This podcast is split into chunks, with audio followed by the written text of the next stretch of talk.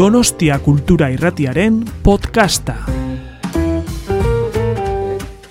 Uda garaian gaude eta orduan e, horrek ere ez du, ez du laguntzen, baina egia da talka, bueno, suerte txarra izan dugula e, talka horrekin, ez? Zeren bereziki kointziditzen dute bi, bi planteamenduek. Nik oso laburki eta e, e, segituan e, zea e, anari hitza emateko, berari espreski eman nahi dizkiot e, eskerrak, e, eta berarekin batera elu jarri. Dakizuenez, anak elu jarrekin du lotura, bertan egiten du lan, eta guretzat ernez luken, zientziaren inguruko divulgazioa lerro garrantzitsu bat da. E, badugu orain indarrean beste programa bat, zientziaren bide berriak, e, DIPC-ren eskutik, baino argi dago, geroz eta gehiago, gure gizartean planteatzen diren hainbat eta hainbat gai, ez dugu e, besterik e, pandemia bera aipatu beharrez, hainbat gai e, zientziarekin lotuta ja e, abordatzen ditugu. Eta guretzat, gure lerroak, gure lerro nagusiak, literatura eta eztabaida garaikidea izan da, ba, zientziak protagonismo bat izan behar du, zalantzarik gabe. Orduan, lerro hori jorratzeko, eluiar bezalako erakunde batekin elkarlanean aritzea, baguretzat lujo banda. Eta are gehiago, ana balima da, elkarlan horretan gure solaskidea, gidaria eta protagonista. Anak egingo baitu programa hau koordinatu eta e, saio bakoitzean parte hartu. Programa hau emakume zientzialariak argitan deitzen dugun programa honek e, zientzia divulgazioa du helburu nagusia, noski, baino modu jakin batean, emakumeen protagonismoa sustatuz, e, argitara eraman, ez, azpimarratuz, eta euskaraz ere. Orduan horretarako bidai lagun oberik etzaitu okurritzen ana baino. Oso ondo ezagutzen duzue, Euskal Herriko zientzia divulgazioan nik uste dut aurpegi eta aditu nagusiena dela, beraz mila eskerran hemen izateagatik. Eta gure asmoa programa honetan izango da hori bera. Emakume zientzialarien jarduna ezagutaraztea, bere e, ikerketak, bere asmoak, baina baita ere nola hartzen duten zientzialariaren lana, zintzuk dian bere jardun horren ezaugarriak, eta gurekin ere bat datorren ezaugarri batekin. Eta da ere, mm, arlo ezberdinetako bitartekaritza hori. Ez? Orduan, dakizuen ez ere, anak zientziaz gain, beste arloetan ere egiten du lan, aktivista oso aktibo ez dela, ez?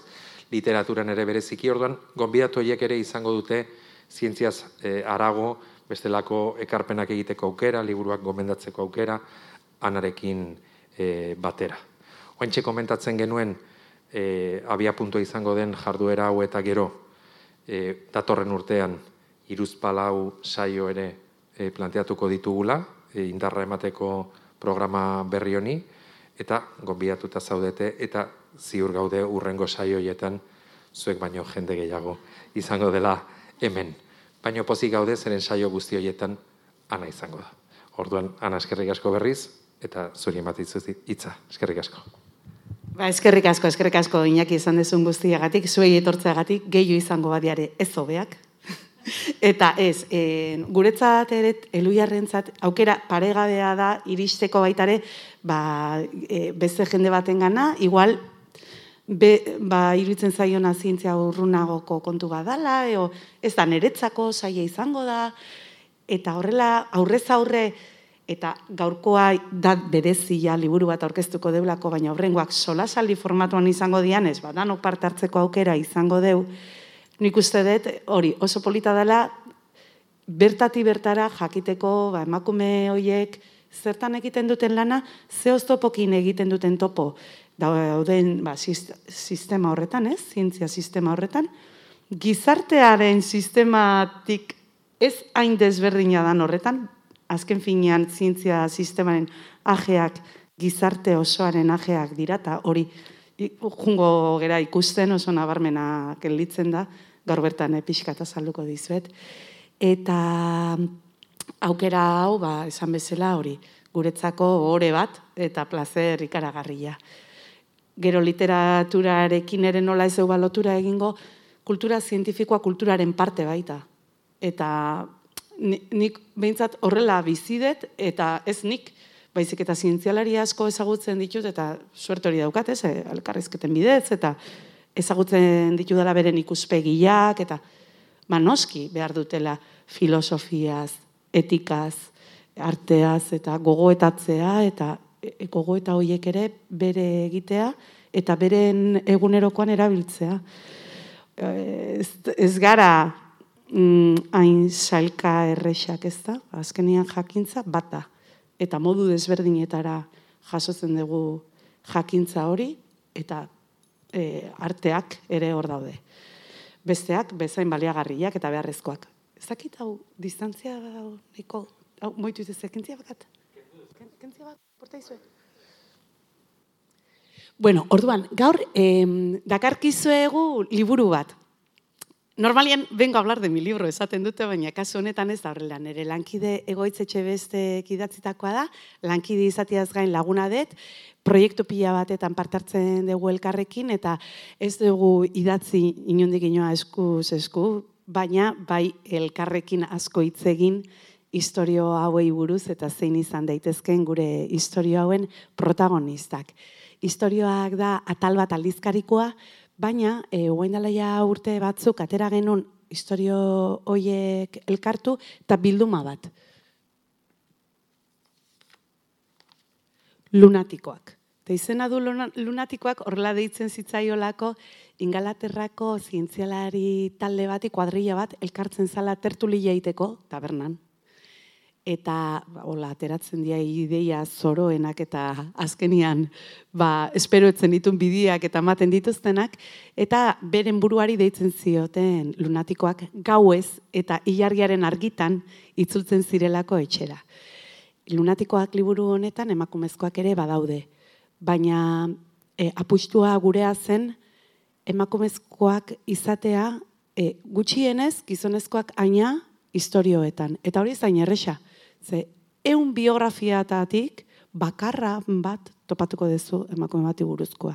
Eta ere gutxio, ba, benetan kontatuko dituna bere bizipenak eta ze, normalian ez dira oso kontatzeko egokiak ez da, itxusi xamarrak izaten dira ba, ze diskriminazio eta pairatzen duten, eta orduan horri ikerketa lan handixiagoen berri izaten da benetan jakiteko zer gertatu zen iristeko iritsi ziren lekura.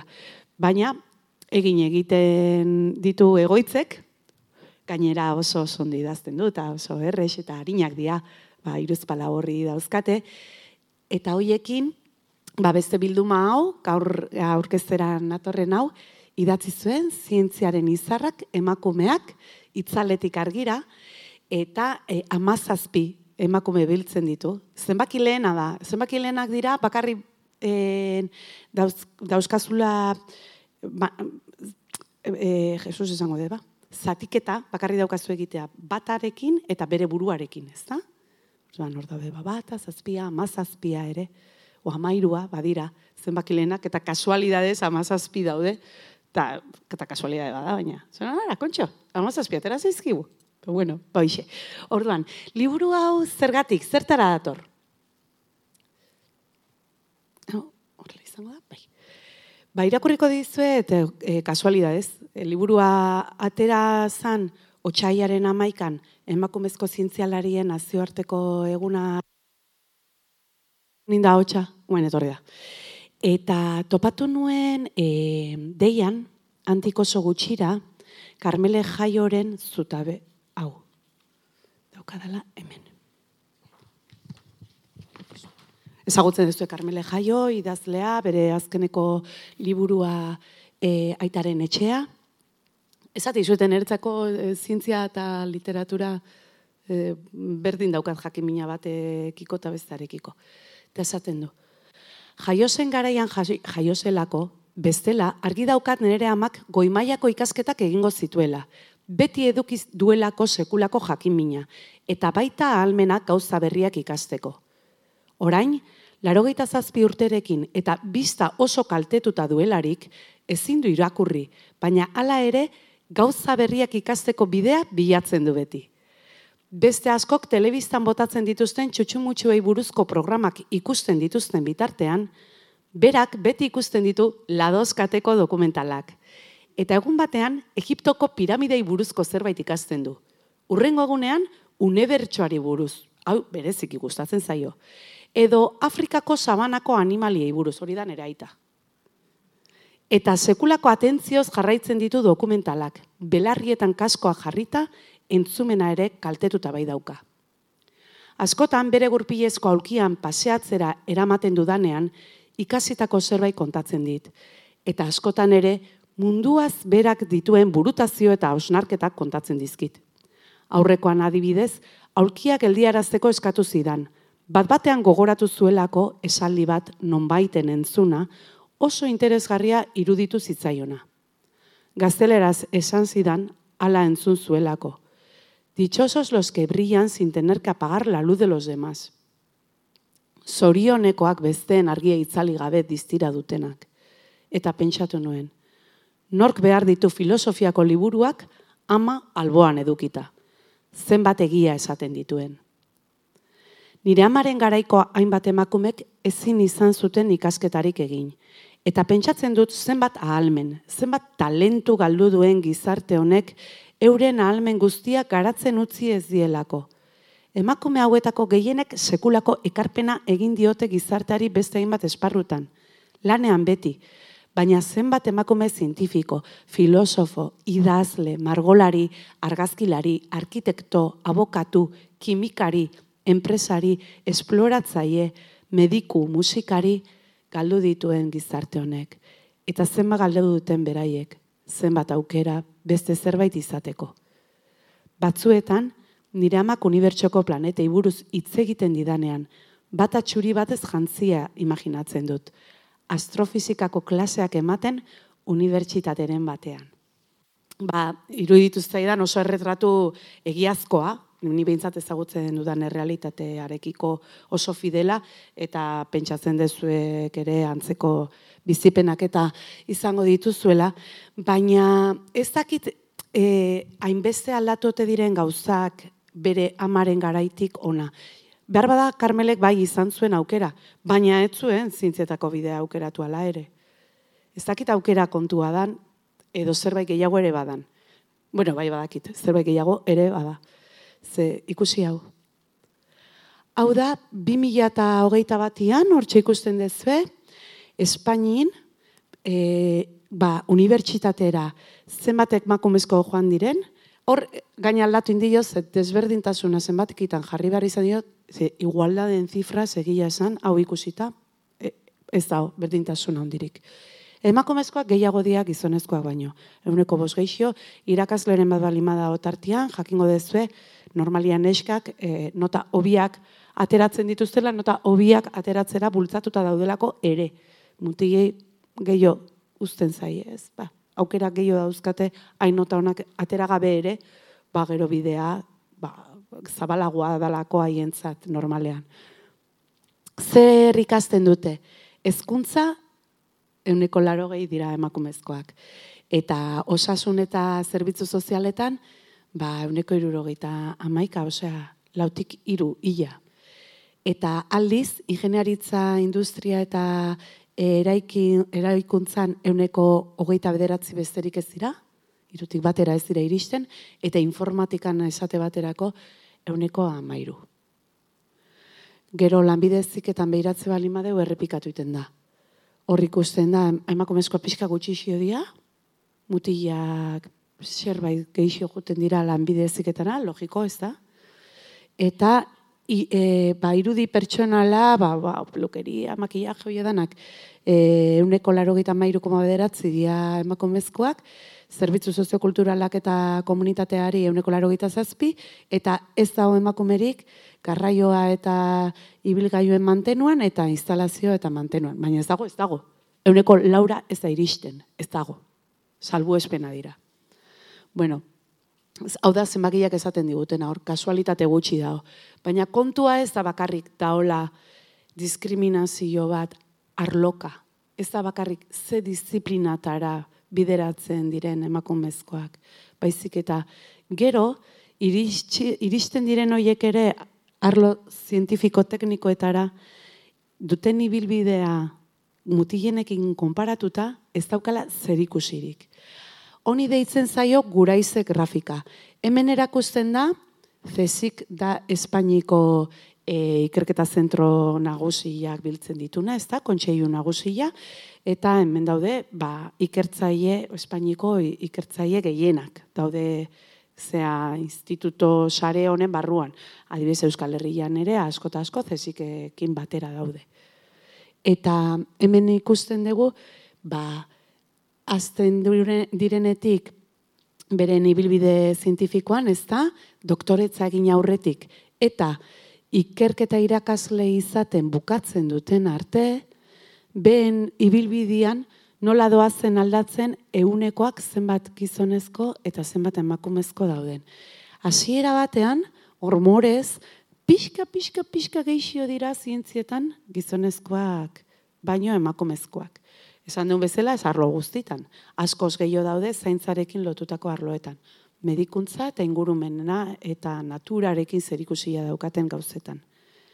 Eta mutiak gehiago arlo tekniko mm, eta e, e, abstrakto eta hoiekin lotzen diren hoiekin. Dala gainera, gero diru gehiena ere hoietan irabazten da, eh? hori gainera. Baina bueno, ibilbidean ere ikusten dugu naiz eta e, elkarrekin pare-parian hasi, urteak aurrera egina ala nola doa zen bere izten eta azkenean bukatzen dute gizonezkoak hiru aldiz gehiago izat, ba hori, e, lautik bat bakarrik dira emakumezkoak eta uneko ila gizonezkoak beren ibilbide guztian zehar.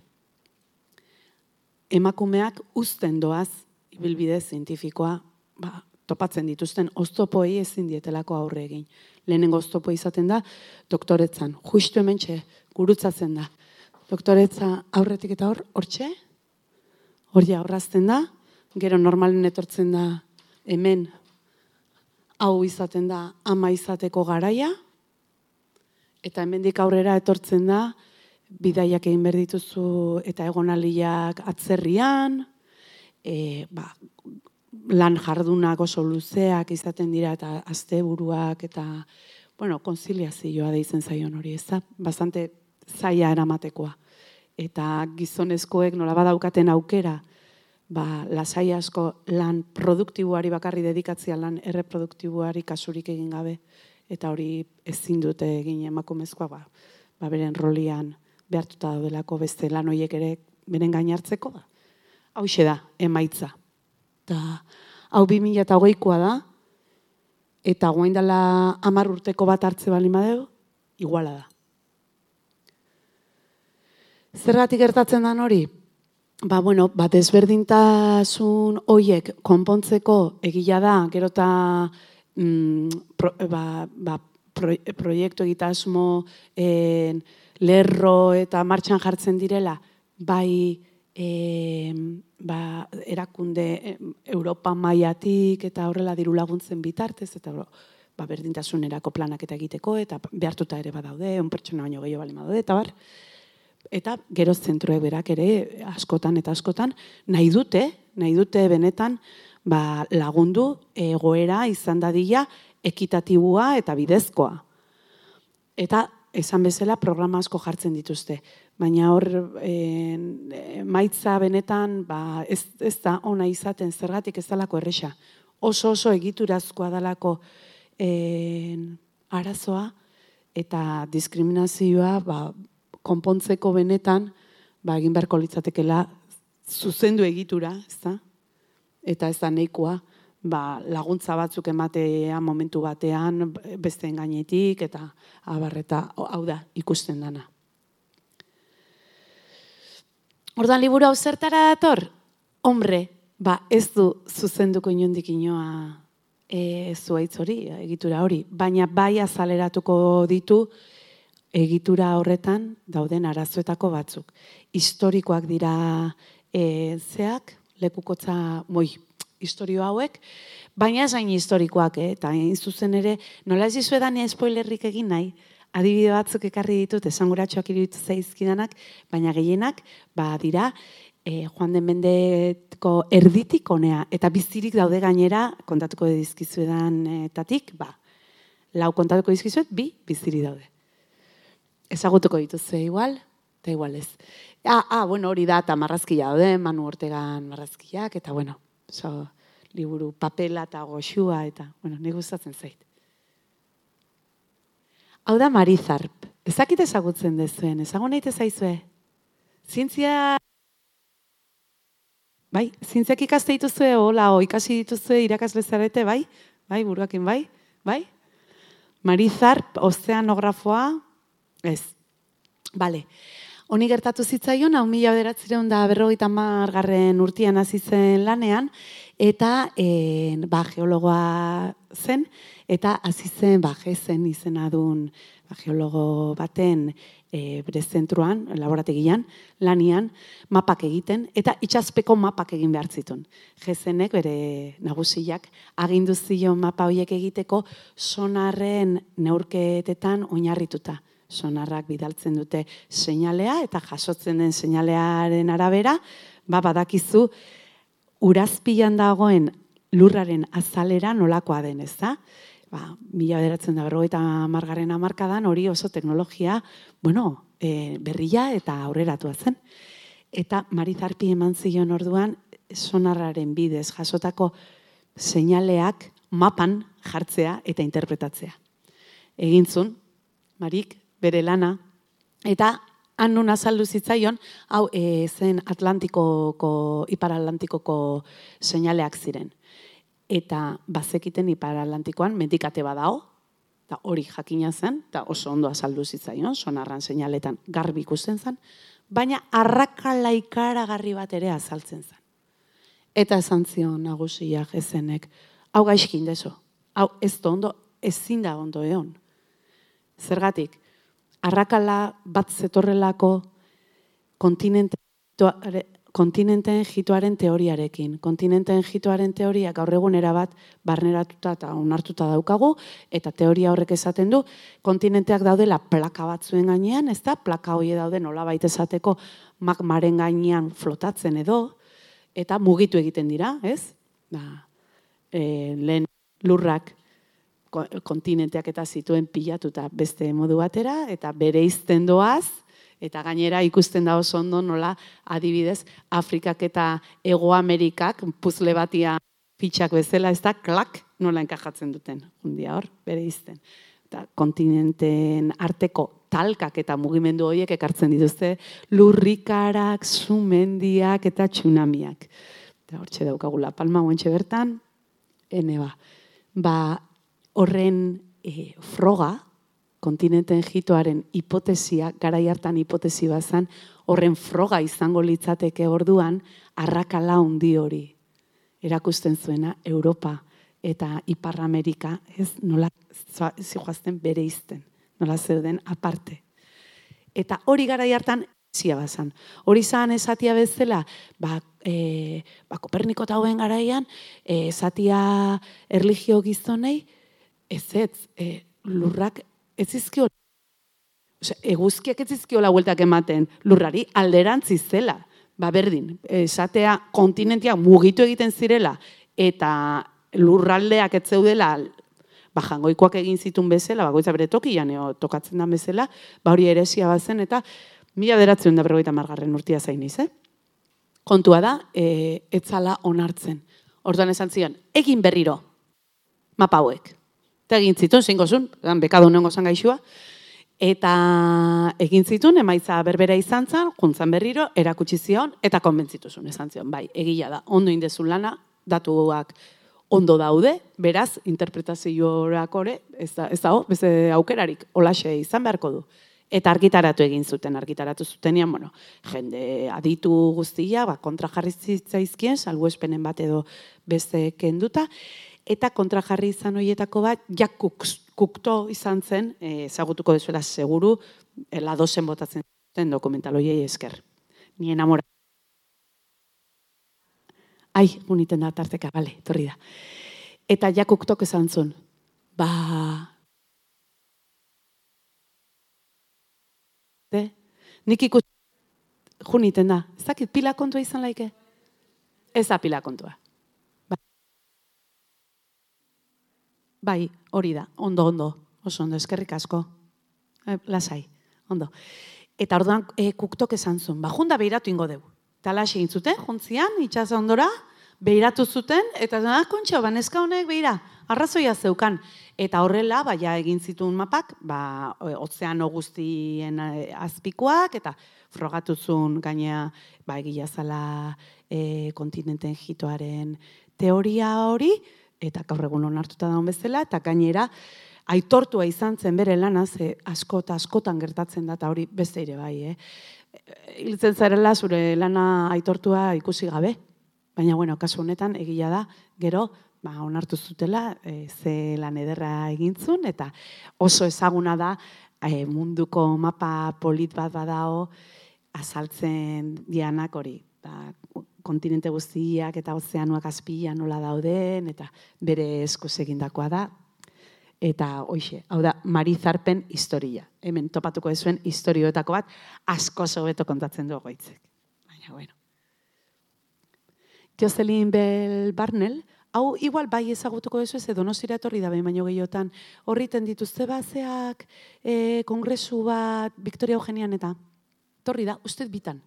Bueno, da e, biziri dao, da emakume oso atsegina, oso oso oso atsegina, Eta hor ikusten dezuen bezala, bere aurkikuntza egin zuenean, kazetariek eta askoz gehiago erreparatu zioten itxura fisikoari, gere gaztetasunari, eta zein polita zen gora ipatu zuten behin eta berriro, haren lana ba, zertzan eta kontatu beharrean, horre ez, ez dakizu ez da, zer egin zuen. Bueno, pulsarrak deskubritu ditu emakume honek. Bera izan da lehenengoa, deskubritu duna izar mota berri hori pulsar deitzen dana bere zaugarri jakina dauzka, irrati teleskopioen bidez e, deskubritu zituen, irrati teleskopio hori berak egindakoa, berak ba, lankidekin, baina bai, berak e, eraiki tako teleskopioarekin jaso zituen seinaleak, eta seinale horien interpretazioan, ba, Marizarpei gertatu zitzaion bezala, begia san, ibi zituzten gora bera de ze, hipotezitako bat zen, estralortarre bidalitako seinaliak izango te ziren. Ez zuten imaginatzen, izar batek horrelako seinaleak bidaliko zitunik eta irrati teleskopio bidez e, jasotzeko modurik egongo zanik. Baina, e, Jocelyn Bell Barnelek frogatu zuen izar mota bat zirela eta horrelako seinaleak ematen dituztela eta gaur egun pila bat ezagutzen dira, baina berak ba, lehenengoa eta urrengo batzuke bai, hola ja, eukitzeko seguridade gehiago ez da, bat opatu zituen. Bere en, laborategiko nagusi jai, aurkikuntza horregatik nobresari jaman zioten. Berari ez. Ez hau azerre ala ere, da una kampeona, nik ezakit. Baina, bai, bai. Hola xe. Beste bat. Popin Narkot, ezagun naite zaizu, eh? Jo, hone dauka argazki mitiko bat, hola, ateratzen diala liburu pila bat bat abezian gainean, diatxostenak, iargitik bueltan astronautak etortzeko egin behar zuten ibilbidea programatzeko erabilitako, ba, bueno, ba, programazioa bera, pilatuta ez da, ba, programazio hori, e, popi nortkotek egin zuen. Oso oso gaztia zan, nazan e, oso gutxi ziren emakumeak eta emakume guztiak zeuden konputazioan. Zergatik, ba, gara hartan oso lan mekanikotzat hartzen zelako eta ez zioten garrantzia handirik ematen informatikan gara hasierako hietan importantzuna zen hardwarea, makina bea. Hor zeuden ingeniariak izonezkoak. Eta emakumeak beste lan horretara bideratzen zituzten, lan, buf, ba hori, lan haurdia ematen zuen horretara, baina ardura ikaragarria zeukana. Eta e, ba, adibidez hori, ilargitikan bueltan ekarri behar izan zitun. Apoloko e, zeak astronautak eta bere kalkuloei esker etorri ziren lurrera. Eta gauza bera gertatu zitzaion, gaztia, polita, eta zalantza ondiak zeuzkaten ba, bere balioan. Kontua da e, lanian aizala eta hau guztia gertatu zitzaioen ez medioek eta asko atera zuten, telebistan eta danian, ba, oso neska egia esan, oso neska polita e, zalako eta oso emakume ederra da. Ba, kontzientzia feminista hartu zuen eta lana egiten hasi zen baina zan barruan eta bai bea, ez dakit, konektikak, inventatzen nahi naiz. Hor, bueno, ez, uste konektena seguro, ba, isilu naiz. Bere herrian, o bere irian, baitare sortuzun e, makumezkoei laguntzeko programa bat eta e, arlo bat, sail bat, irikizuen. Eta baita ere laguntzeko egoera zaurgarrian zeuden emakumei, alegia emakume beltzak, eta bueno, ba, ba ez zeukatenaik aukerarik gizarteratzeko bezen mailan. Ba jarraitzen du aktivista izaten eta adibidez Trumpen kontrako kanpaina jota suibi da eta Twitter dauka, ez zititen ikasu ni bihotzpila jartzen dizkiot. Eta ateratzen dut izena eta hori, baina oso oso aktiba da eta eta jarraitzen du burrukatzen emakumeen eskubideen alde eta ez bakarrik emakumeena, ba, ba fem, feminismoa marruan, ba hori, e, gizarte osoaren onuran, ba, e, oegoera okerragoan daudene hoien alde. Eta adibidez guain, kanpaina oso handi egiten nahi dira, aborto eskubidearen alde. Ze gutxitu dute uste zortzi astera. Zortzi aste baino lehenago abortatzia daukazu, eta horretarakora arrazoi batzuk euki behar dituzu, baina zortzi aste da, orduan konturatu zea kasik e, askotan eta zaukazu aukerarik eta e, borroka hortan dabi. Hori adibez ez dago historiotan, eh? historioa gehiago dihoaz alderdi zientifikotikan eta pertsonaletikan, baina bueno, nik kontatzei zuet, bak gaur egungo gauzake bai. Eta beren izabot da e, historioetako laugarrena aurkeztu nahi dizuedana, ze haure ere igual ez dago zaizue, igual tokatu zaizuen, tabakaleran egon zauen dela pare bat urte bere argazkien erakusketa. Argazkilaria zan, laro gita urte bizitu zan, illa hogei garren mende osoa, mendearekin hasiera mendearenekin bat jaio zen, eta laro gita mairu urtez bizi zen, eta honek ere emakumezko izateko izateagatik, ba, sekulakoak entzun behar izan zituen, epa, argazkilaritza gizonen mundua izan dalako. Eta gaur egun ere esango nuke e, gizonezko ema, e, argazkilari ezagun gehiago daudela, emakumezko baino, ez da? Jarraitzen du izaten oso maskulinizatua. Eh, ez bakarrik argazkilaria, e, asmatzaia ere izan zen. Optikaz asko zekien, berak sortzen zitun, bere argazki kamerak, e, haiek errebelatzeko eta lantzeko metodologiak eta gaur egun ere oraindik erabiltzen dira.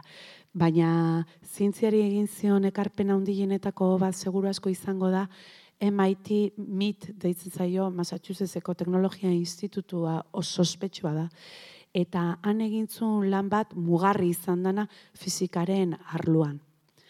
En, bazan gerra hotzaren garaian, gerra hotza puri-purian zeon, eta aurri hartu zieten estatu batua errei errusiarrek bota zutelako espotnik. Eta orduan pikatu inzian asko, eta zantzuten boa. Zerbait imerra da gauzek galtzen egia gerra hau. Eta pentsatu zuten oso modu hona zala fizikan inbertitzia ezkuntzan inbertizia eta fizikan. Gaur egun ez du ematen, ez dute horren alde egiten, eh? ikerketaren eta ezkuntzaren alde inbertitzia herrialdea bultzatzeko, baina bueno, orduan estatu batutan bazeukaten pentsamendu hori eta erabaki zuten fizika ezkuntza indartzea, ba, gero hortik ateratzeko jendia izango zana, ba, aurrera eramango zuna e, nazioa. Eta horretarako, ba, MIT laborategi hoietan, e, fizikaren oinarriak esplikatuko zituzten zintzialariekin harremanetan jarri zuten beren izaboto. Ordurako oso argazkilari ezaguna zen. Honek e, oso gazterik etorri izan, estatu batutatik Europara mila bederatzen dagoiko amarkada horretan, eta ezagutu zitun Raiman eta jende hori, Raimanek laguntzaile bat hartzula eta bea bere burua eskaini zuen, Raimanek esan zuen neska bat, nekan asmorik, baina oso neska langilea eta zetatia zan lortu zuen eta ikasizun oso azkarra zan, ikasizun argazkilaritzaren oinarriak, eta atera zituen argazki erretratuak, eta gero erakutsiko izkizuet batzuk, oso esanguratsuak, surrealismoarekin eta oso modu pertsonalian, erretratu horietan, nortasuna, erretratatzen zuen pertsona horren nortasuna ere oso agerian jartzen zulako. Eta honena da niretzako, nahi gehiena gustatzen zaitena da, argazki ezagunenak dira ba, jende ospetsuarenak, ba, orduko artistak eta haienak, baina kaleko jendeari ere ateratzen zizkion argazkiak duintasun bererarekin eta tratatuta bestian, bestian pare. Eta niretzak hori da asko esaten du. Gero estatu batutara hueltatu zen, New York momentu horretan eraikitzen ari ziren, zerotik hasita, eta liuratuta gelditu zen, eta Changing New York liburua egin zuen, eta hor oso ondo ikusten da baitare, e, ze aurreratuta zeon, bai teknologikoki ez, egin egin behar zitun, e, kamarak horrela hartu zitzazketenak irudiak, baina batez ere bururatu inbertzaizu horrela egitea gauzak, kontrapikatuak eta gaur egun oso ituta gaudela, orduan zian txundigarriak. Baina nola irudi bat goiti bera, eo beti gora horrela, hain pikatu, agresiboak eta orduan polita zan aurrez aurre ez da, ba, iraultza hori ekarri zuen. Eta, bueno, ba, horregatik ere bera fitxatu zuten miten. Claro, sartu zen miten emakume bakarra zan, han fizikariz beteta zeon hori, eta honek agintzen zien nola egin behar zituzten fizikako esperimentuak erakusteko fizikaren oinarriak. Magnetismoak, gravitatea, ez zuten ondo hartzen. Ba, zaten, ba, zein da, gaineia ordurako iruro gehi urte zeuzkan, emakume Andre Zarronek ez, guri zer aginduko digu. Eta depresio atare izan zitun, eta bueno, niko gaizki pasasun, baina liburua hain, hain, hain ona izan zen, bere irudiak hain esanguratxok eta hain erabilgarriak ezkuntzarako, bere ala itzuli izan hogeita amarri izkuntzatara honik izak izan bat, da bestseller bat, eta eta bai, e, fizikak eukizun horrelako goraldi bat estatu batuetan, ba, asko eta asko beren izaboti esker. Nola enamorauta da hon, bueno, eta lesbiana zan, eta puf, ba, borrokalari terriblia.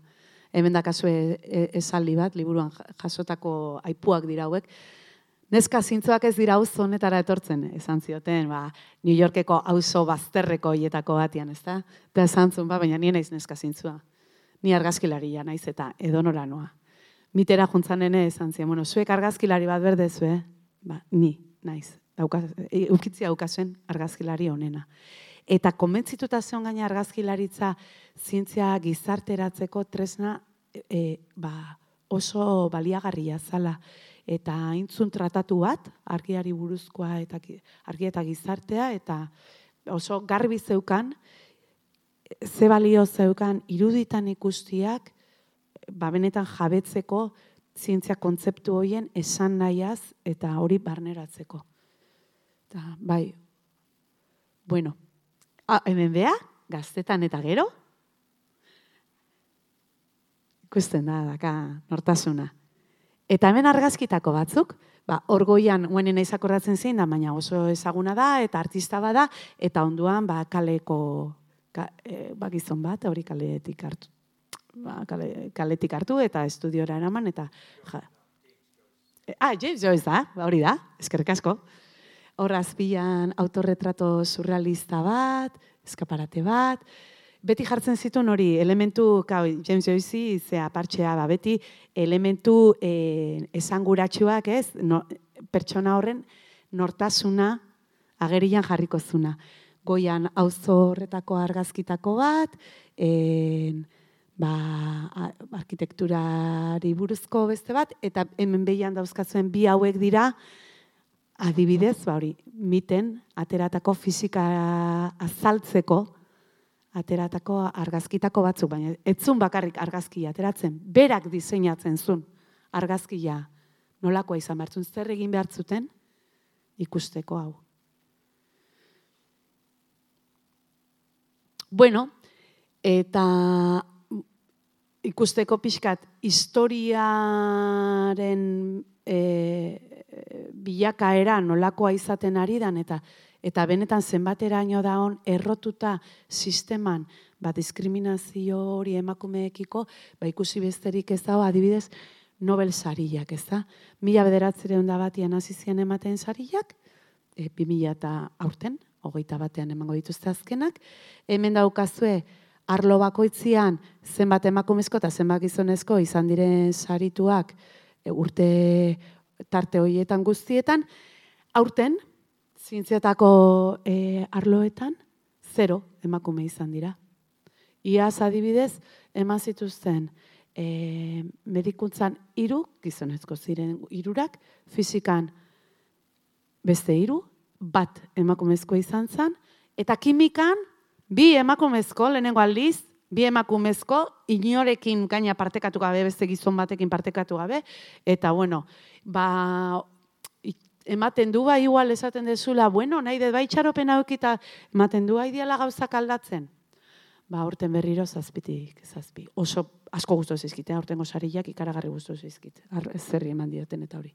Baina, gu ba gainun ba, autagai bat, katalinkariko bak, izu ezein nan, entzu bai, ez bai, kampaina indet eta dana, baina ez ia, Estokolmon enteratu.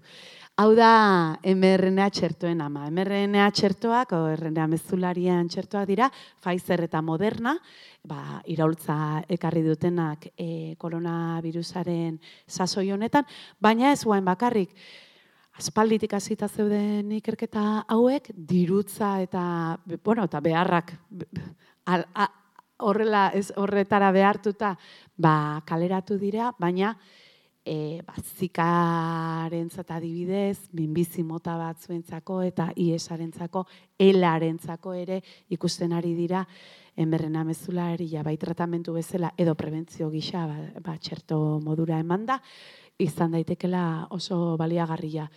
Normalean Nobel sarietan ez dute, bueno, txertuak ere egin dute, baina normalen zerbait izan denean iraultzailea aldatu duna, ez da, e, inflexio puntu bat ekarri duen hori saritzen dute, hau adibide oso ona da, eta aukera ematen zien, ba, emakume hau saritzeko. Ungariarra da, eta bere ibilbide zientifikoa estatu batuetan egintzun. mRNA da, ba, gure zelulak bikoizteko eta gure informazio genetikoa transmititzeko zatitxo bat sortzen dana proteinak ekoizteko. Zatitxo horre dauka bakarrik informazioa, ez dauka besterik. Baina informazio hori erabilita gure gorputzak hori proteinak sortzea dazka. Guk instrukzioak emate bali maizkiogu zati horretan, proteina horiek sortzen ditu horiek izan daitezen, kasu honetan bezala, virus baten kontrakoak antigorputzak, ez? blokeatuko dutenak virus bat, ba funtzio hori egingo dute, instrukzio txikitxo hoiek eta hori etxerto baterako oso oso ona da, ez du beste zer ematen eta ezin du egin bestelako eraginik. Kontua da neko toksikoa dela kasu batzutan eta gainera oso azkar degradatzen da. Katalinkariko ala ere konbentzituta zeon, jo, ba, moduren bat topatu beharko litzatekela hori erabiltzeko ikusten zulako, ba baietz ba zeukala horrek aurrera begira bidea eta lortu zuen bi albo bi alde txarroie konpontzea. Nola? Ba, instrukzio hoietan letra bat aldatuta horrela ja toksikotasuna kentzen zitzaion eta gainera asko ere e, iraunkorragoak ziren molekula txikitxo hauek. Eta gainera biltzen balimadiak lipidozko kapsula batzuetan, baia, ondo barneratzen dia gorputzian eta irauten dute beren funtzioa bete, bete arazi arte. Eta hori da justu erabi dutenak Pfizerrek eta Modernak. Zergatik? Ba, Biontek dala Pfizerren laborategiak, Biontekek erosi zitun katalinkarikoren e, patenteak, ba, guain dela amarra, urte, eta gauza bera egin zuen modernak esan nahi dula gaina moderna dator erreneatik. mRNA, hor, obat jarri, moderna. Atera zitzaien, hola, hola asmatze dituzte izenak. Eta, eta areke berdina egin zuen, beste patente batzuk hartu zituen. Osea, zuzenean daude oinarrituta katalinkarikok egindako lanian. Ez hori bakarrik, baiontekek fitxatu egin zuen katalinkariko eta gaur egun hor dabi lanian. Gero Pfizerrekin aliatu zian. Azkenian gauza bada laborategi ez ikerketa egiten duten, baina gero ekoizpena eta produkzio komertzial hori eta dana behar izaten dute farmazeutika handi bat. Eta Pfizer da biagraren farmazeutika hori ez bada handia esango jazue. Ba, oso ondo etorri zaie aliantza hori, ezta? Eta, bueno, guri ere egia esan, mesede galanta egin digute, diru asko irabazi dute, baina, bueno, zein jo. Hori ja, e, hori ere arazo estrukturala da. Ezberdintasun horiek. Eta bukatzeko, ba, bueno, bukatzeko, bukatzeko. Eta zergatik, zergatik da importantia zientzian emakumezkoak izatea, zergatik aigea aldarrikatzen eredu hauek ezagutzea merezi duela jakitea emakume hauek lanian haitu diala, gaur egun ere badaudela, desberdintasun ikaragarria daudela, desberdintasun hori estrukturala dela, zerbait egin behar dela, egiturazko arazo horri konponbidea emateko, zergatik da importantia emakumeak horreotea ez da, ba behitu. Uzuri albizu maia, etno matematikaria da, horrek esan nahi du matematikak e, interpretatzen ditula eta lantzen ditula etnografia kontuan hartuta eta antropologia kontuan hartuta, ingurunea, ingurune batekin lotuta, ez da? Eta e, esaten du, zientzia boterea da, feministok ezin dugu alde batera utzi. Hori da boterea da, eta erabaki, erabakia, hor dago, erabakimena eta almena gauzak egiteko. Eta bi adibide bakarri jarriko dizkizuet, e, hori zenbatera ino den horrela ikusteko, zorrela oso abstraktua da, baina praktikara jota, bada Elena Aldasororen lana. Elena Aldasoro ez, ba, elkarrizketatzeko eta ezagutzeko suertea izan. Bueno, haure bai, en aldizkarian bidez, ez txoio badan lana. Ze jende marabillosua ezagutzeko aukera ematen dit. Egitan ez atiz, txoio bada.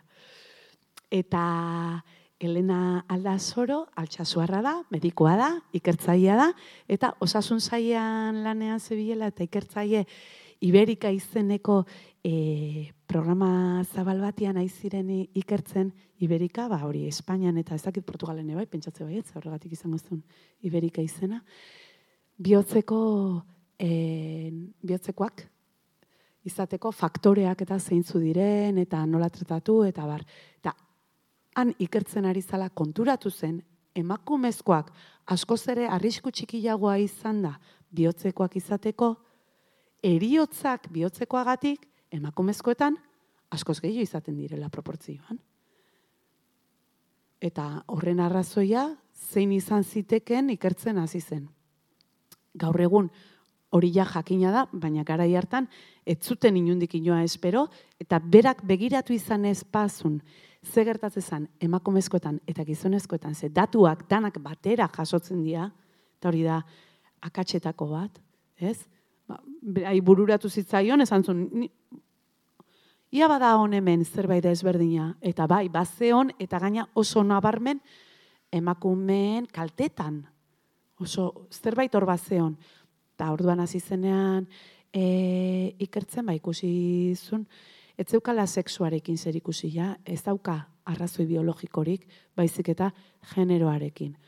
Laguntza eskatzea ba, gehiago kostatzen zaigu, ez ditugulako sintomak identifikatzen, ez ditugu sintomak identifikatzen, medikue irakasten zaizkien sintomak eta guri izaten dizkibutenak gizonezkoen sintomatan bakarrekan oinarrituta daudelako, espai dira emakumezkoenak ikertu, eta beraz, medikurea juten zean alako batian ez du aragarriakin, gainera diagnostikoare askotan okerra da. Ze eh, gizonezkoetan, ba, ezaugarri batzu badira, ez? Ba bihotzek oak dauzkazunian ezkerreko besuan ere askotan mina daukazu, mina agudua da, emakumezkoetan ez da agudua izaten, askoz difusuagoa da gainera, askotan e, tripako mina eta estuasunakin eta arnasa hartzeko zailtasunakin eta e, lotzen da, eta ansiedadia da askotan ematen zaion diagnostikoa. Ansiedadia. Eta badezu, tori lasai hauek, eta lasai, paseko zaizu, eta diagnostikoa okerra danez, tratamentuare okerra izaten da. Eta hor galtzen den denboran, ba, hile egiten dira aldiz gizonezkoak zuzenean tratatzen dira eta kateterrak eta egiten zaizkie. Emakumezkoa eginda ere, gainera horratzak, e, zainak gizonenak lodilagoa dira, eta horratzak orduan lodigilak dira emakumezkoentzat, eta gaina gure zainak zeago dira biurrituagoak eta orduan ezin dute hain zurrunak izan bueno, ba, lehen aldazoro egindako lan guzti horri esker, protokoloak ja aldatuta daude, gero eta gehiagotan entzuten dugu. Ja, ez, e, sintomak zeintzu diren emakumezkoen kasuan, eta, bueno, e, medikutza ikasleek ere ja ikasten dute hori bere izten, eta orduan ba, diagnostiko oker gutxillo ere egiten dira, baina jarraitzen dute eriotza tasa oso altua izaten emakumezkoetan bihotzekoak izan dakoan arrazoi askorengatik eta datozela, ba, pentsa, zenbat bidetatik. Eta, bueno, ba, hori, bada, bada importantia. Hori, zan adibidetako bat, eta bestea da, e, bueno, eta hori badakizue, eta zuk ere badakizu, Zet, etxian ikusiko zenun, ze, kotxeko segurtasun ualak gizonezkoentzako daude diseinatuta zeitsuraz hemen gizonak bakarrik idatzen dute eta orduan, e, aurdun baldin mazaude adibidez, ez dira bat ere ondo egokitzen, gerora jartzen zaizkile e, konpon bide batzuk, ez da? Baina, istripularria dauden kasu, kasuetan, emakumezko gehiago hiltzen dira gizonezkoak baino. Naiz eta, asko istrupu gehiago dauzkate gizonezko gidariek. Horre ere, generoarekin lotutako arrazoien gatik, azkarrago gidatzen dute, ez dira inzurrak, eta e, kotxiak daude diseinatuta, gizonezkoentzako hori adibide bada, ba beste, beste asko bezala. Horregatik interesatzen zaigu guri ere. Ba, zientzia, zientzian emakumezkoak egon daitezen, eta emakumezkoa bezala, ba beste begirada batzuk, e, beste kultura batzuetakoak, beste jatorri batzuetakoak, eta beste mm, ba, gaitasun batzu dauzkatenak, bai, ez da? Askotan gertatzen da. Etzera konturatzen ze oztopo arkitektoniko dauden, ba, aurtsiki bat daukasun arte e, ume zian, edo, edo, edo kurpildun aurkian beste lako pertsona bat, ez da? Ba, uste toixe, zala, kontatu nahi nizuen. Ezaki konbentzitu zaituzte dan. Baina, guain zuen txanda.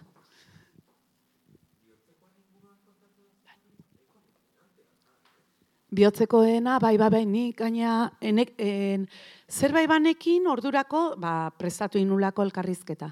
Baina, bera kontatu zianian, aurrez aurre, lehen pertsonan, berak egindako ikerketan, beste lantalde handi jakin, nolatan ez zituzten datuak horrela bere izita jasotzen, eta, eta konturatu zenean ez, ba hor zer da hon, eta zizanean, ba, ba bai, horrela, baina horrela asko eta asko, gaur egun ere oraindik ere, botiken albondorioak emakumezkoetan, normalen, saio klinikoetan azaleratu ez diren pila bat ateratzen dira, ja botika kalian da honian.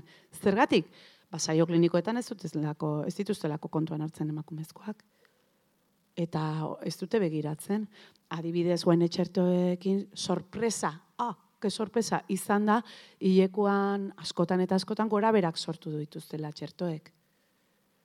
Ez dia gora bera larriak, baina askoz lasaio gelituko ginak edanok ere aldez aurretik jakingo bagenu hori ere gertatu laike, ba, besuan e, mandizuten lekuan mina eukitzia aukasun bezala eta ondo ezik pasatzia dauzkasun bezala egun pare bat urrengo hiekoan gora bera bat bali maukazu ere, ez izutu normala da. Bueno, ba hori etzekiten. Ze, ez dute behiratzen. Hogeita bat garren mendean. Eta hau dana jakinda. Eta hola xe.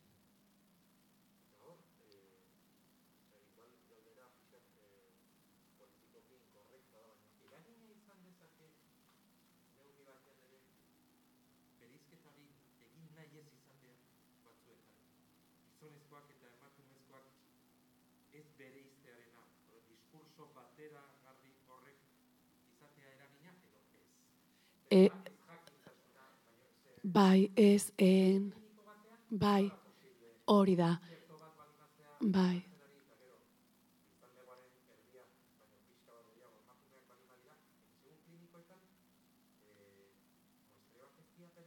Hori da, nola, nolatan da, ez da posi, eh, nola, nolatan, e, e, a ber, behartuta daude berez, euneko berrogita mar izatea, baina ez bakarrik saio klinikoak pertsonetan, eh? ja hasita animaliekin egiten diren esperimentuetan, behartuta daude, diru laguntza publikoa jaso berbalima dituzte, bai Europan eta bai estatu batuetan erdi eta erdi izatea e, sexu desberdinetakoak. Baina ez dute betetzen askotan eta askotan ez horrela izaten. Baina ez hori bakarrik. Gero, en, ala, erreklutatu ezkero ere, ez dituzte pareko populazioak hartzen. Adibidez, emakumezkoak adintarte batean aurdunak eta ez dute parte hartzen. Eta lehenengo eta bigarrengo faseetan normala izan laike ze hor, seguruak diren eta eraginkortasunak diren ikusten da, eta gero zabaltzen da hirugarrengo fasian, ba, populazioko talde de, ba, desberdinetara, adin talde desberdinetara, hori izango litzateke momentua, ez dare hor aitakeria ikaragarriakin jokatzen da, baina ez da hori bakarri da, zer begiratzen den ere. Ba, dibidez txertoenetan, nik begiratu ditudan e, saio kliniko askotan, adibidez Pfizerrenak begiratu nitun, emakumeak gizonezkoa aina ziren. Eta adintarte guztietan, gainera, orekatuta zeuden. Baina ez zuten begiratu hori. Eta ez zuten jaso. Eukiko zituzten, eh? Baina ez zuten kontuan hartu. Eta zituzten ez jaso, gero guri ez digute esaten. Eta nola ez diguten esaten, guk ezakigu. Eta gero medikoan ajuten zeanien, ezakin una puntatut ez ez dago. Gero jasotzen dituzte albondorioak, pasatzen dira, orga, ba, ba hori, eh, azkenian e, estamentu guztietatik eta Europara iristen dira Europako medikamentuen agentziak eta horrek gero egiten ditu azterketak eta behiratzen du. Uf, ba hemen igual arazo badaukagu ze euneko ez dakizen batetan gertatzen da eta jarraipena egintzaio, ba jarraipen hori egiteko abia puntua izan berdu eukitzia hori begiratzeko eh, modua, ez da? Eta jakitea zer begiratu nahi dezun. Eta historikoki ez dituzte begiratzen emakumezkoen gora berak eta nola zikloaren segun zen momentutan zauden, erantzuna oso desberdina izaten dan, hain gauza apasionantia dana, ez da, esatia, wow, a ber, nola, nola aldatzen da, honen arabera, honetan aldatzen da, on, e, zertarako, onerako, txarrerako, zikloaren momentu batean komeni da, e, dosila igual, haundixio txikillo igual izatea komeni da, ez, hori dana ikertu laike jo, baina eske hori dana ikertu behar da. Orduan ez dute egiten eta kitxo. Hoi dia sexuarekin lotutakoak, transexualak ere arazo pila bat egizaten dituzte, ze gaina hormonen bidezkoak eta, ba, imaginatu, ez dakite normalen transexualek zer eragin izango duten beraiengan botikek. Aurdunekin bezala, esaten zaira, ez hartu botika eta kitxo. Esan.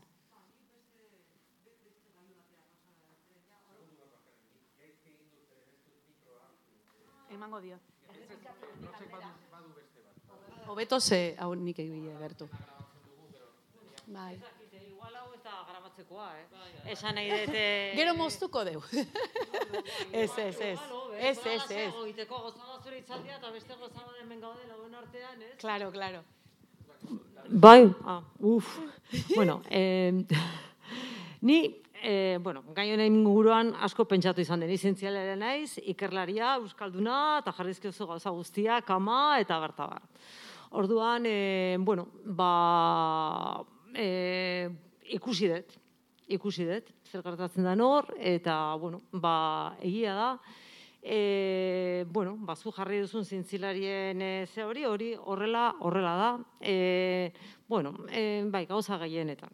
Gauza gaienetan egia da, ba, bueno, badaudela, e, bueno, gai batzuk, edo esparru batzuk, ba, femine, e, ba, femi, bueno, neoa, feminizatuta. Endiago direla beste batzuk baino. Eta ni, bueno, ni hortik nator, eta gian ikuspegia, ba, bueno, izan daiteke, baikorrago, esan dezagun. E, baina ni beti pentsatu izan dut, zezuk jarri dezun izaldi hori, bueno, ba, zintzia, zintzia sartu behar dugu, zintzia, bai, zer da egin daitekeena? Hau da, beti pentsatu izan dudana. Hau da, e, zeren eta beti hori esaten dugu, eta zer da, egin daitekena, ni batez ere usteet karrera teknologikoetan dagoela arazoa eta a, bueno, hori bat, hori karrera teknologikoetan dagoena, orduan, zer da egin behar dana. Eta gero, bueno, bazuk, az, mm, zagarri duzun, zera, mm, ibilbide zientifiko horretan, egia da amatasunaren asunto hori eta bar. Nik askotan pentsatu izan dut, esaten nuen, ez? Bueno, e, gizonak eta emakumezkoak hartu behar baldin badute e, namatasune baja, berdin, horrek gauzak pixka bat, en, ba, bueno, ez? Zeratuko du. E, hau, esan, esan behar duan orain, igual ez dakit, eh? igual nahiago ez grabat. Zeren bestalde ikusi izan dut, gu emakumeo bezala, eta gude aurdunaldian, ba, aurdunaldi ez dugula hartzen aurdunaldi bezala, baizik eta lehenengo hilabetean ja, ai, aurdunan nago, eta horrako gauzak ikusi izan ditut, eta hori gure kontradoala iruditzen zait. Hau da, aurdunal, hau da, gure amak, eta benak izan, pentsa nuiztik, ez, eta Baina orain, ai, aurdu nago eta ezin dut. Olako gauza sinpleak zaten ditut. Eta hori esaten dut, eh? gure kontra doala, nik esaten dudana, bueno, esatzeko zen, nik uste ba, ordunaldia, bai, egia da, ordunaldia badala jandika bat, epe bat, eta bon, iker, e, ikerketa prozesuan nire guento. Baina e, mutilak eta neskak hartzen baldin badute berdin, bueno, ba, hori parekatzeko, beste konturatzeko eta parekatzeko balio dezake pentsatze zerbait zer egin daiteke? Bi bi gauza aipatu dituzu. Bat arloen arteko desoreka ez da? Eta hor nik uste dut kontua ez dela bakarrik emakumezkoak neskak bultzatzia alderdi teknologikoenetara baizik eta alderantzi zergatik mutiak ez dituzte beste arloak erakargarri ikusten? Vale Vale, konforme, bai. Hor ere, e, bai. ba, eta asko da bat egon badago. Claro, hor eh, hori da. Hor ja lentikan da eta da gizarteak zer zeri ematen dion balioa. Eta soldatekin oso garbi ikusten da adibidez, nola karrera batzuk feminizatzen dianian soldatak jetxiten dira. Eta hori gertatu da garai baten gertatu zen matematiketan, eta guen matematika berriro modan jarri dira, eta guen mutila gaidia berriro sartzen. Eta garai batean neska gehiago zeuden mutila baino eta guain berriro buelta ematen nahi da. Ze guain e, matematikak datuen e, e, mehatzaritza eta datuen ingenaritza guzti honek hartu duen pixuakin hori baloratu egiten da, dirua irabazten da hor, eta mutiak sartu dira mm. asako. Bai, argi dago. E, hor gehi ordaintzen da, eta horrek normalen bukatzen du gizonen eskutan. Eta bestea, e, bigarrena esan dezuna, e, amatasunan bajak eta, bueno, claro, hori dudigabe, baldin eta ardura pareko hartzen duen baita ere noski, aitak eo, eo, dalakoak. Baina, baina, bueno, ikusten da denboran dela, ez da? Eta hor, bada ikerketa bat egin zuten Australian, eta aztertu zituzten laguntza berdintasunera iristeko laguntza mota desberdinak zenbaterainoko eraginkortasuna zeukaten eta zergatik ez duten funtzionatzen. Ze azkenian emaitza da ez dutela funtzionatzen. Ze esan bezala, e, jo jendia, osea ez da e, konplotu bat da hola. Da e, gizartea benetan bada horrela, hau e, egitura osua da, ez da bakarrik zientziarena, baina borondatiare badao askotan oso ekimen politake bai, baina ez da lortzen. Ba, adibidez, aztertzen zuten. E, bueno, ba, hori, neurri horiek ez. Ba, neurri horietan, mesede egiten duten ian ere batean, kalte egiten diotelako emakumeari beste batian. Ta adibide bat. Eremu horiek e, zian familia, soziala, pertsonala, eta... Ah, hilau zian, ba? Ostras, bueno, baina errexe, adibidez, emate balima zenion emakumeari aukera en, eukitzeko malgutasuna ordutegietan kompatibilizatu izateko bere e, familia bizitzarekin, bizitza soziala ateratzen zen kaltetua, ze e, kongresuak egiten dira kanpoan eta bilerak egiten dira, bileran ondorengoko beste bilera sozialoiek egiten dira lan orduz kanpo.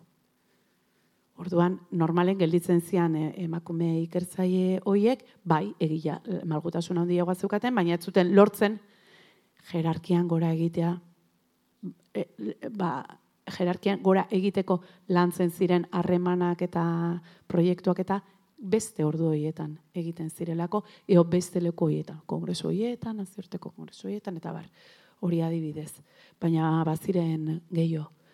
E, kontrakoa gertatzen zen, e, mate baldin bazen e, zuzendaritza postuetan egoteko emakumezkoa aukera handiagoa ematen baldin mazitzaionez, diskriminazio positiboa egitu baldin mazan, ateratzen zen emakume hori galtzen, eremu eremu profesionalien aurrea egiten zuen, baina eremu pertsonalian eta sozialean galdu egiten zuen. Kontua da eh, emakumezkoetan penalizatu egiten dela eremu pertsonalean eta familiarrean sartzen ditun orduak, eta gizonezkoek ezak esartu beharrik. Orduan, dazke ordu guztia gainerako guztirako. Bueno, nik uste dut hor gizonak galdu egiten duela. Ah, bueno. ga- eh, Hori da, hori, bai, bai, bai, nik bai. uste dut hori izan daitekeela auto, hainez alderdi autopertsonala ere, ez? Esan nahi dut, Bai. positio, beste, beste ikuspuntu baikorxagoan. Bai, bai, bai, ni da, datu, ni- datuei horregatik bakarrik esan, nahi bai. naiz begiratzen, eh? Bai, bai, bai. Bai, bai. Eta besteare zeu prebain, o, o gertatuko mutilak bultzatzea besteren mutara, eta ez alderantziz bakarrik, ez da? Bai, osea, Behintzat, ikusten da garbi, gaiak kezka sortzen dula eta badaola mugitzen, orduan, mugitzia bea ona da. Eta irtenbide bakar bat ez da egongo. Eta ez da izango bihar. Baina mugimenduan jarri da. Eta horren seinale da, gaur bertan egotia bizaioa liberian, iriberian, gai berari buruz. Ez zuen, eta e, lehen goraize grafika horretan erakutsi dituzun datu horiek oso esanguratsua. Eta esan duzu, eta hau duela hamar urte berdina zen, baina uste duzu hemendik hogeita hamar urtetara berdina izango dela.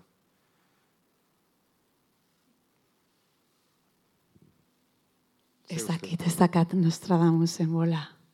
Ni idea, nahiko nuke pentsatu aldatuko dela, baina eske benetan ez dizut ez dakitela. Ze historia ez doa zuzen. Historiak askotan, ba, Ez daukazu Ja, konfiantza hori, pixkanak hartzen diren neurrietan oinarrituta ez. Ez. Etzea baikorra, Ez. gauzak orain arte bezala egiten balima dira, edo gaur egun, e, e, 2008 batean urriaren emeretzian egiten ditugun gauza berak egiten balima ditugu, hemendik hamar urtetara berdin, bai, bai. bai, ze ez da aldatu ber bakarrik hau. E, Aldatu ber da gizarte osoa, esan ditugun gauzengatik. Eta ez etuzte hamar urteetan honi buelta handia emango dionik. Ez, hori bai dela mezu nahiko Ei naiz ni oso ez? baikorra igual gauza hauetan, bestera pozi bizi naiz, eh? Ez dakat arrazoirik ez, izat, ez bizitzeko pozik, baina eh, ez dut ikusten. Nik da neurri- bakit eluiarren, Bai. bi mila garren urtetik. Hasi nitzan gai hauekin, boa, igual, ba, baina ba, amar urte bai, eta ekinean atala diala neska ikertzaile gazten atal hori sortu genuen, oain ala zazpi bat urte. Ez ez da aldatu. Zeren nik aitortuko dut neurri batean daukadala baikortasun hola inertzial bat, ez? Pentsatzen dut, e, bueno, seguro duela berrogei urte baino hobeto gaudela, eta igual oker nago, zeren agian da irudipen Oain bat. edo- berrogei urte baino gehiago, bai, Eta, eta... e, orduan pentsatzen dut, e, egongo gara hobeto eta gainea azeleratuz, ez neurri horretan, ez? Zeren E, bestela, da. claro, horrek ere ez du balio, baina Ez, nik uste dela anarik esaten du, ez, feminismoa ez dela soka tira bat, dela goma tira bat. Osea, gutxien, o- a- askatzezun gutxi hori ja juntzaizu. Orduan denbora guztia, no berdezu. Bai, bai, ez dela soka bat, eta, ah, metro bat irabaziet, eta jazta. Ez, ez, ez, ez, ez, da goma.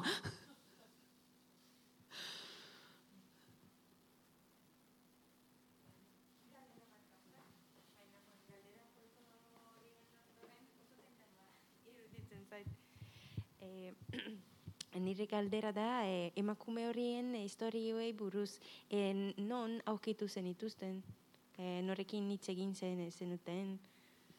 Ba, ke ba, hauek eh, dokumentazioan, ez deu, normalian ez hitz egiten hauek egiteko elkarrizketak eta aparte beste ataletarako eta bai, baina historioak egiteko biografiatan oinarritzen gea, eta askotan lehen komentatu duten bezala, ez da erreixa izaten biltzia, baina bueno, ba, ba ikerketa lan pixkatin da, handik eta mendi, zer, zer jarri du bat, zer esan duen besteak, eta eta berak zer esan zuen, eta ah, behitu liburu honetan topatu dut hau, eo, dokumental bat, ez dakit noizkua hemen eh, badao, eta horrela, eta da puzlia osatzea, eta gero egoitzeko zondo idazten du.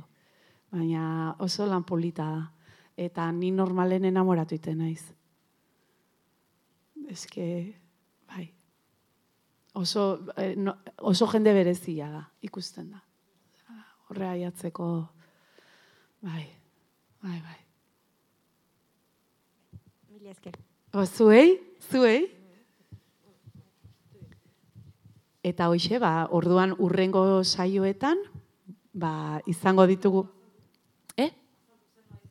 Bai, hori da, urrengo saioetan, eukiko dugu konbidatu e, emakume zintzalere bat, zu bezalakoa. Hemengoa, Euskalduna, zu, zu zeu izan zaitezke bat, animatzen bazara, zure bizipenak e, kontatzera, eta e, ez bakarri zei bilbide egin dezun, baizik eta ba, alderdi zientifikotik ere zer txunditu zaitun, ze, bai, ze, zerrikatik grina hori ez, hain beharrezkoa dana hor jarraitzeko, ze bezala ikuste duze gertatzen dan, eta nahiko genuke gainera, ba, bide batez, gomendatzia, libururen bat, zientziarekin zerikusi daukana bat, eta beste bat ez daukana zerikusirik eta horren inguruan ba pixkat.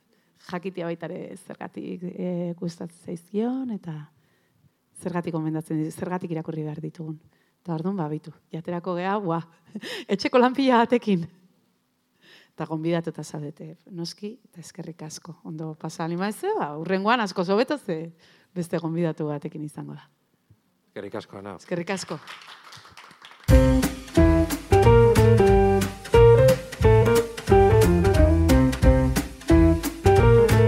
Donostia Kultura Irratiaren podcasta.